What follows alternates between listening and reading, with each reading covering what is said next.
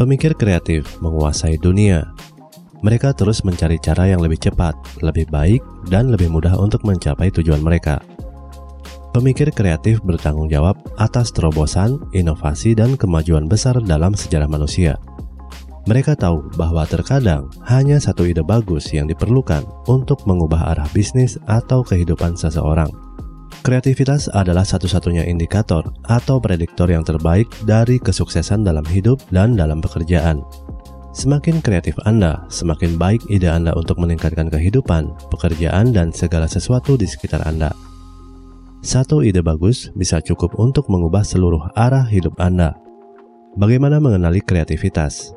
Orang kreatif selalu penasaran. Mereka mengajukan banyak pertanyaan dan tidak pernah puas.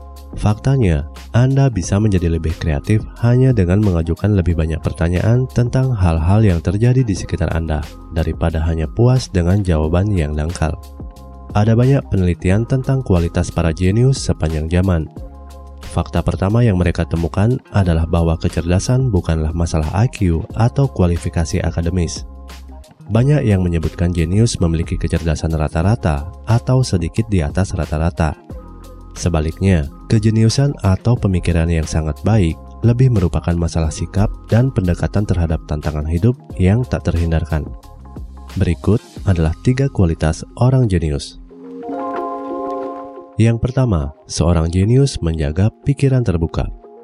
Mereka mendekati setiap masalah atau situasi dengan pikiran terbuka, hampir seperti sikap eksplorasi dan pemikiran mengarah ke kanak-kanakan Semakin terbuka pikiran Anda terhadap pendekatan baru dan berbeda terhadap situasi dalam hidup Anda, semakin besar kemungkinan Anda akan mendapatkan wawasan dan ide yang membuat Anda keluar dari zona nyaman Anda. Pertanyaan yang sering dilontarkan oleh orang jenius adalah mengapa, mengapa tidak, dan bagaimana jika. Yang kedua, jenius mempertimbangkan setiap aspek masalah. Para jenius dengan hati-hati mempertimbangkan setiap aspek dari suatu masalah, menolak untuk langsung mengambil kesimpulan, dan malah mengumpulkan lebih banyak data. Mereka menguji dan memvalidasi kesimpulan sementara mereka di setiap tahap. Mereka menghindari dalam terburu-buru untuk menghakimi.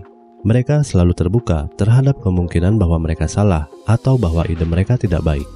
Albert Einstein pernah ditanya, jika ada keadaan darurat besar atau potensi bencana yang akan menghancurkan bumi dalam 60 menit dan Anda diminta untuk mencari solusi, apa yang akan Anda lakukan?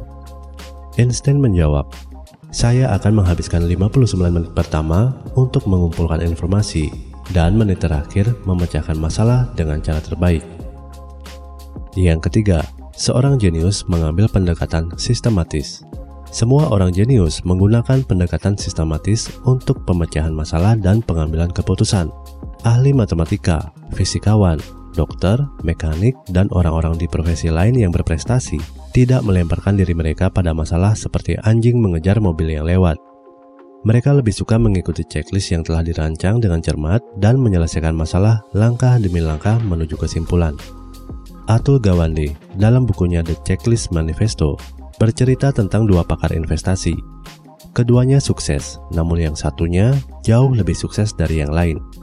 Ternyata mereka berdua memiliki pengalaman bertahun-tahun dalam mengevaluasi dan membuat investasi besar untuk diri mereka sendiri dan klien mereka. Namun, penasehat yang lebih sukses telah mengembangkan daftar pertanyaan penting untuk diajukan dan diuji untuk diterapkan pada proposal investasi sebelum membuat keputusan. Penasehat lainnya menggunakan banyak teknik dan taktik yang sama untuk menilai suatu investasi, tetapi dia lebih banyak beroperasi dengan intuisi dan pengalaman. Akibatnya, dia sering kehilangan uang, padahal seharusnya tidak. Langkah-langkah metode pemecahan masalah sistematis. Langkah pertama, tentukan masalah atau tujuan dengan jelas. Definisikan masalah atau tujuan dengan jelas secara tertulis. Jika Anda bekerja dengan kelompok, tulis dan tulis ulang masalah atau tujuan pada flipchart atau papan tulis sampai semua orang sepakat bahwa hal tersebut adalah sebuah masalah atau tujuan yang ingin dicapai. Dalam bisnis, mengembangkan definisi masalah yang benar sering kali membuat solusinya tampak jelas. Langkah kedua, apa lagi masalahnya? Setelah Anda mendefinisikan masalah atau tujuan dengan jelas, Anda bertanya, apa lagi masalahnya? Waspadalah terhadap masalah apa pun yang hanya memiliki satu definisi. Definisikanlah dan definisikan kembali masalah dengan beberapa cara yang berbeda untuk solusi yang tepat. Hal terburuk yang dapat terjadi terhadap sebuah masalah adalah menemukan solusi yang bagus untuk masalah yang salah atau masalah yang tidak ada. Proses inovasi Filosofi dari setiap bisnis dan eksekutif yang sukses adalah peningkatan berkelanjutan dan tanpa akhir.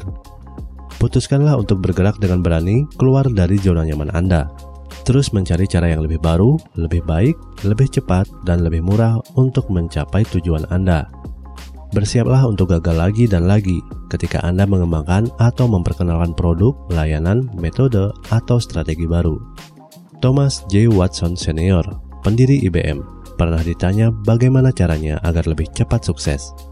Dia menjawab, jika Anda ingin sukses lebih cepat, Anda harus menggandakan tingkat kegagalan Anda Kesuksesan terletak di sisi lain dari sebuah kegagalan.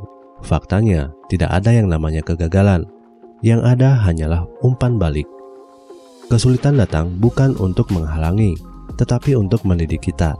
Rumusnya adalah selalu mencoba, mencoba lagi, dan kemudian mencoba sesuatu yang lain. Terima kasih telah mendengarkan audio artikel ini. Semoga apa yang saya sampaikan di sini dapat bermanfaat bagi Anda. Selalu semangat dan salam sukses.